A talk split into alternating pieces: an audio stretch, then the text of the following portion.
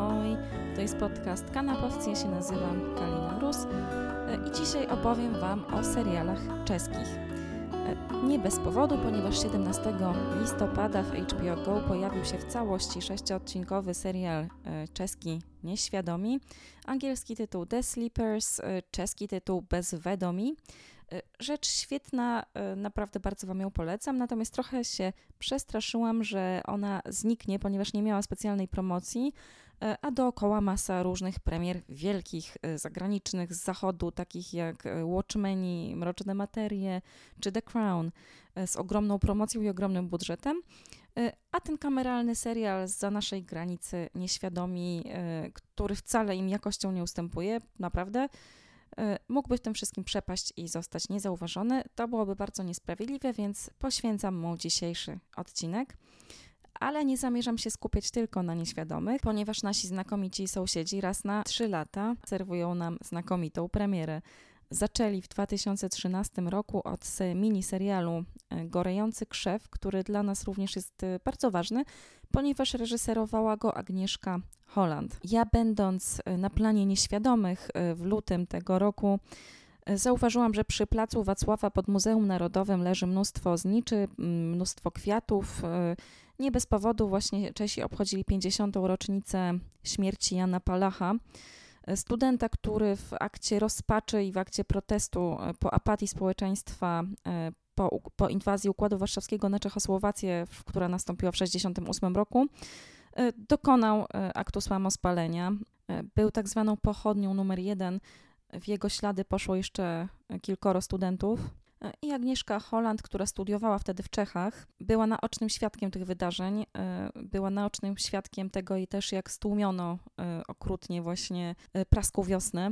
Jak to ona wspominała w wywiadach, chyba z lat 90., z tego co pamiętam, bo wtedy sporo, sporo o tym mówiła, ale też z okazji gorącego krzewu, tak mi się wydaje no, wspominała to tak, że pamięta dokładnie nastroje, które panowały w czasie praskiej wiosny, że to było tak jakby światło nagle, nagle rozbłysło po tych ciężkich czasach stalinizmu. E, I potem, kiedy no, nastąpiła inwazja Układu Warszawskiego, przez kolejne 20 lat był czas takich ciemności strasznych. E, no i ten palący się Jan Palach to, to był jakiś taki rozbłysk jakiegoś takiego upiornego światła w tych ciemnościach. No nic więc dziwnego, że serial Gorejący Krzew jest tak niesamowicie realistyczny, przejmujący, i prawdziwy ponieważ wydaje mi się, że to właśnie między innymi z tego powodu, że Agnieszka Holland czynnie uczestniczyła e, również w protestach w czasie praskiej wiosny. Widziała, co się działo po samospaleniu Jana Palacha, miała nawet kontakt e, z tymi studentami, którzy w jakiś sposób byli w to wszystko zaangażowani. Pamięta bardzo dobrze te nastroje i oddała to w sposób niezwykle sugestywny w tym e, trzyodcinkowym miniserialu. No oczywiście na pewno jego wielką zaletą jest też scenariusz Stepana Hulika, bardzo taki mm, dokładny, wydaje mi się, i zgodny z faktami. Głównymi bohaterkami e, tego serialu są kobiety, wcale nie Jan Palach, który w zasadzie tam się w ogóle nie pojawia i też to jest bardzo ciekawe, e, że nie, nie widzimy jego twarzy, żaden aktor e, tak naprawdę się nie wciela w tę rolę. To znaczy, no, widzimy tylko prawda, jakąś postać, która płonie, natomiast twarz została zachowana dla prawdziwego Jana Palacha, którego oblicze widzimy tylko w formie odlewu twarzy albo w formie zdjęć. Właśnie chyba dlatego, że jego twarz stała się swego rodzaju symbolem e, przemian, symbolem buntu e, w momencie, w którym nikt buntować się już nie miał siły i odwagi. A głównymi bohaterkami y, są przede wszystkim prawniczka Dagmar Bureszowa, grana przez Tatianę Pauchową, Słowaczkę, y, oraz matka Jana Palacha, y, pani Palachowa, grana przez Jarosławę Pokorną, wstrząsająca rola. Historia matki Jana Palacha jest po prostu czymś no, mrożącym krew w żyłach, to przez co przeszła ta kobieta oprócz śmierci syna. Była nieprawdopodobnie prześladowana i przeszła straszne represje. No, wstrząsający jest ten serial, zresztą tak jak powtarzam, od początku do końca. Ja pamiętam, że go obejrzałam, nie mogłam spać, po prostu nie mogłam spać. E, dużo o tym potem czytałam, słuchałam. E, rzeczywiście to jest coś, co powinniśmy sobie przypominać, bo no to jest naprawdę taki kawał, kawał bardzo ciężkiej e, historii, która działa się tuż obok nas, ale ja też nie chcę się tutaj stawiać e, w pozycji jakiejś osoby, która jest znawcą historii, bo nią wcale nie jestem. Natomiast to, co mogę zrobić, to polecić Wam serial Korejący Krzew. To są zaledwie trzy odcinki, więc czasu naprawdę dużo na to nie stracicie, a Wasze życie na pewno się wzbogaci, jeżeli sobie ten serial obejrzycie, przypomnicie albo zobaczycie go po prostu pierwszy raz. Nie musieliśmy specjalnie długo czekać na kolejną rewelacyjną czeską produkcję, bo już w 2016 roku, trzy lata po Gorejącym Krzewie, dostaliśmy Pustkowie. Kolejny serial scenarzysty Stiepana Hulika, tego samego, który napisał Gorejący Krzew. Zdolny facet, naprawdę. E, co zadziwiające, niewiarygodnie młody ten człowiek ma w tej chwili dopiero 35 lat, także musi być geniuszem. Nie ma innego wyjścia, ponieważ Pustkowie to jest rzecz y, absolutnie wybitna. To jest ośmioodcinkowy kryminał, y, który konwencją przypomina troszeczkę y, seriale mm, szwedzkie, te takie klasyczne szwedzkie kryminały z The Killing zwłaszcza na czele. Mamy tutaj również sprawę zaginięcia dziewczyny, rozwiązywaną przez jej matkę, w tym przypadku starostę małej miejscowości górniczej na północy Czech, blisko polskiej granicy, niedaleko Wałbrzycha pani starosta Hanna Sikorowa e, nie chce, nie chce pozwolić na to, e, żeby kopalnia została rozbudowana e, kosztem mieszkańców, kosztem ich domów i kosztem degradacji środowiska. Ale to budzi sprzeciw lokalnej społeczności, ponieważ oni jednak liczą na to, że właśnie mm, kopalnia się rozrośnie, bo dzięki temu będą mieli pracę. Panuje tutaj kryzys w ogóle bezrobocia nie przejmują się tym, że stracą własne domy, liczą na to, że dostaną kolejne, ponieważ korporacja im to obiecuje. No i tutaj się rodzi wielki konflikt właśnie społeczności e, ze starostą, która ma swoje zdanie na ten temat. E, zaczyna się od potwornego morku na osiołku. W ogóle Pustkowie to nie jest łatwy serial dla miłośników zwierząt, e, również dla mnie nie jest. Potem jest jeszcze gorzej, ponieważ właśnie ginie, znaczy nie umiera, ale jest zaginiona córka Sikorowej rozpoczynają się dramatyczne poszukiwania. Y, policja jest przez dłuższy czas bezradna. Podejrzany jest m.in. ojciec Karel Sikora, który y, cierpi na chorobę afektywną dwubiegunową, więc jest taką bardzo niejednoznaczną postacią i, nie wiadomo do końca, czy no, jego, no jego obłęd powoduje amnezję między innymi, więc on sam jest, y, sam się czuje nieprzewidywalny, ale generalnie rzecz biorąc ten wątek kryminalny jest tylko pretekstem do tego, żeby wypowiedzieć się na temat y, pewnej sytuacji społecznej na czeskiej prowincji, y, na temat problemów klasy robotniczej. To jest niesamowicie ciekawy serial, który diagnozuje mechanizmy rządzące małymi społecznościami, miejscem właśnie na przykład osoby chorej psychicznie w tak małej społeczności. To jest serial o tym, jak bieda działa na młodych ludzi, którzy próbują jakoś się z tej sytuacji wydostać, e, no robiąc różne nielegalne rzeczy, jak na przykład produkcja narkotyków, jak łatwo w to wpaść e, i trudno się z tego wyplątać. Serial jest w imponujący sposób wyreżyserowany przez Iwana Zachariasza, wespół zespół z Alice Nellis, ale przyznam się szczerze, że bardziej lubię odcinki Iwana Zachariasza, który ma coś takiego, że on się niesamowicie przywiązuje do detali.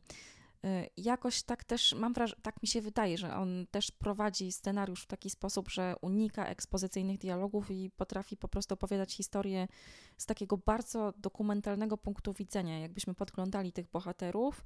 I też jakoś tak bardzo zwraca uwagę na drugi plan, na to, co, co tam się dzieje między bohaterami, jak oni gdzieś tam w tle nawet reagują na różne, na różne sytuacje. I to nam odmalowuje niezwykle ciekawy obraz y, społeczny po prostu tego miejsca, w którym przebywamy, tej, tej pustyni tytułowej, bo właśnie pustina y, tytułowe pustkowie, no to jest to, to właśnie takie kopalniane, y, ta kopalniana taka wioska gdzieś przy naszej granicy. Jest to w ogóle rzecz, rzecz trzymająca w napięciu, niesamowicie też dołująca i depresyjna. To ostrzegam, jest jesień. Y, może to być trudne w oglądaniu teraz, ale z drugiej strony tak bardzo warto, że nie wahajcie się zasiąść przed telewizorem. Gwarantuję, że te 8 godzin wam zleci i nie będziecie się mogli oderwać. Świetna muzyka. Y, Davida Bultera niejakiego, rewelacyjne zdjęcia z Ciepana Kuczery też, y, na swój brzydki sposób piękne. Oczywiście przy tym niesamowita obsada, Jarosław Duszek w roli Karela Sikory, no to jest Oscarowa rola, e, czyli właśnie tego chorującego psychicznie ojca e, zaginionej dziewczyny. Ciekawy jest bardzo jeszcze taki chłopak, e, który się nazywa Jancina w roli Łukasza, chłopaka Klary, córki Sikorowej. No tak, naprawdę obsada, obsada doskonała. Poza tym znamienne jest też to, że ci aktorzy nie wyglądają jak takie osoby wzięte właśnie ze szkoły teatralnej, nie wyglądają jak piękni ludzie z ekranów filmowych i z czerwonych dywanów, tylko po prostu mają twarze naprawdę takich osób, które mogłyby mieszkać na prowincji. Niesamowicie też sugestywnie jest tam przedstawiony na przykład Poprawczak i też ci chłopcy, którzy tam grają dzieciaki wyjęte spod prawa, osadzonych, też wyglądają niezwykle naturalistycznie. Także Pustkowie bardzo Wam polecam i bardzo zazdroszczę Czechom, że mają tak świetnych twórców, którzy robią tak rewelacyjne seriale, ponieważ my, mimo że już mamy coraz więcej prób y, seriali premium, jeszcze żeśmy do takiego poziomu nie dorośli i mam wrażenie, że jeszcze nam trochę brakuje.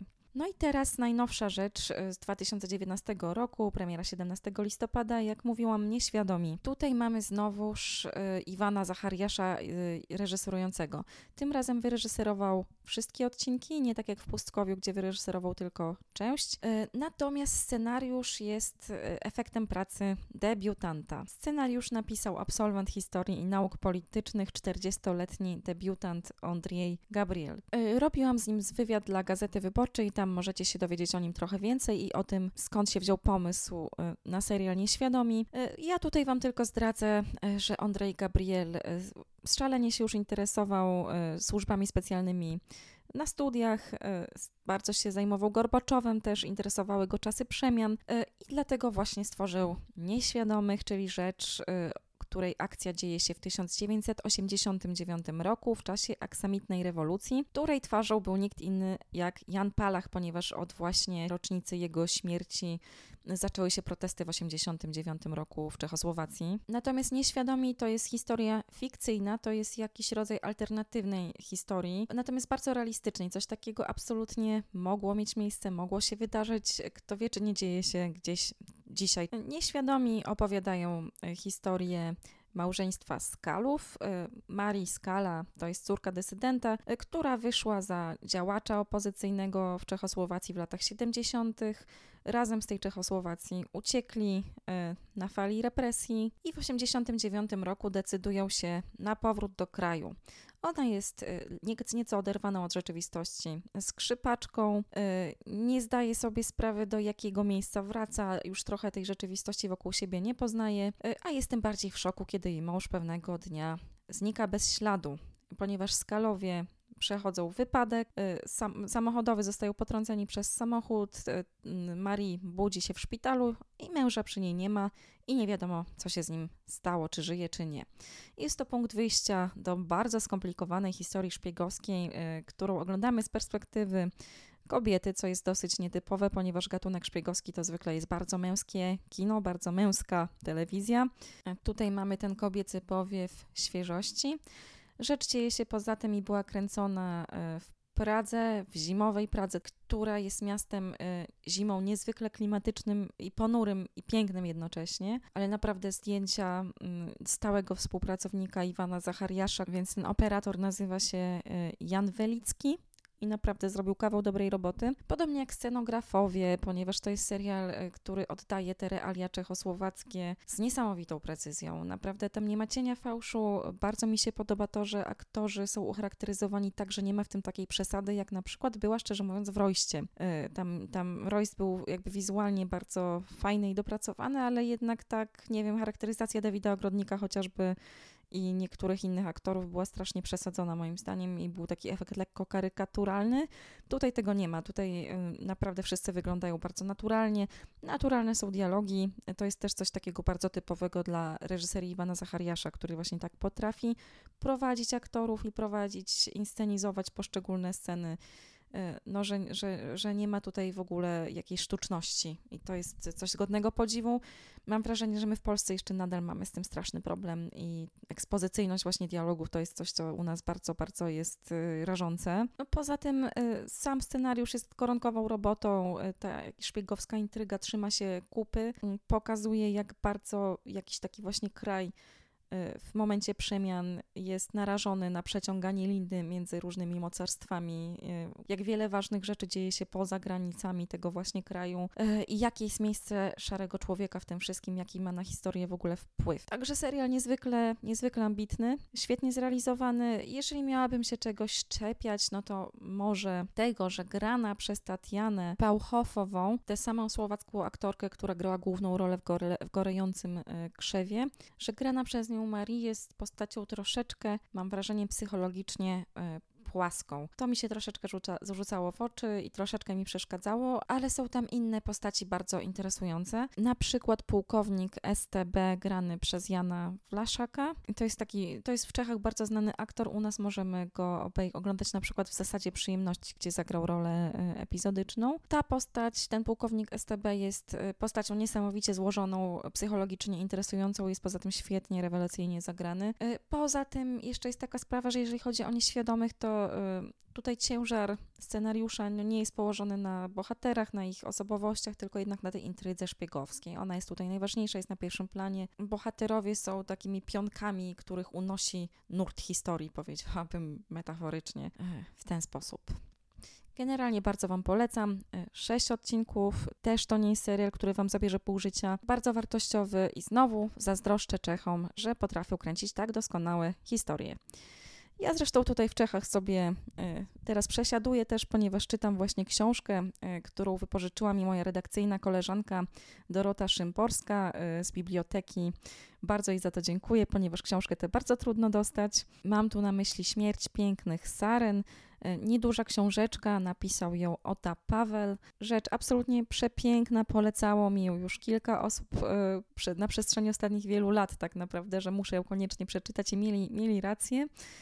E, także to już jest taka mała dygresja, ale jakbyście szukali czegoś z literatury pięknej czeskiej, oprócz Milana Kundery czy Wojaka Szwejka, e, no to koniecznie sięgnijcie po twórczość e, Oty Pawła. I w ogóle ja należę do tych osób, które zawsze sobie czeską kinematografię i czeską literaturę i czeską kulturę ogromnie ceniły.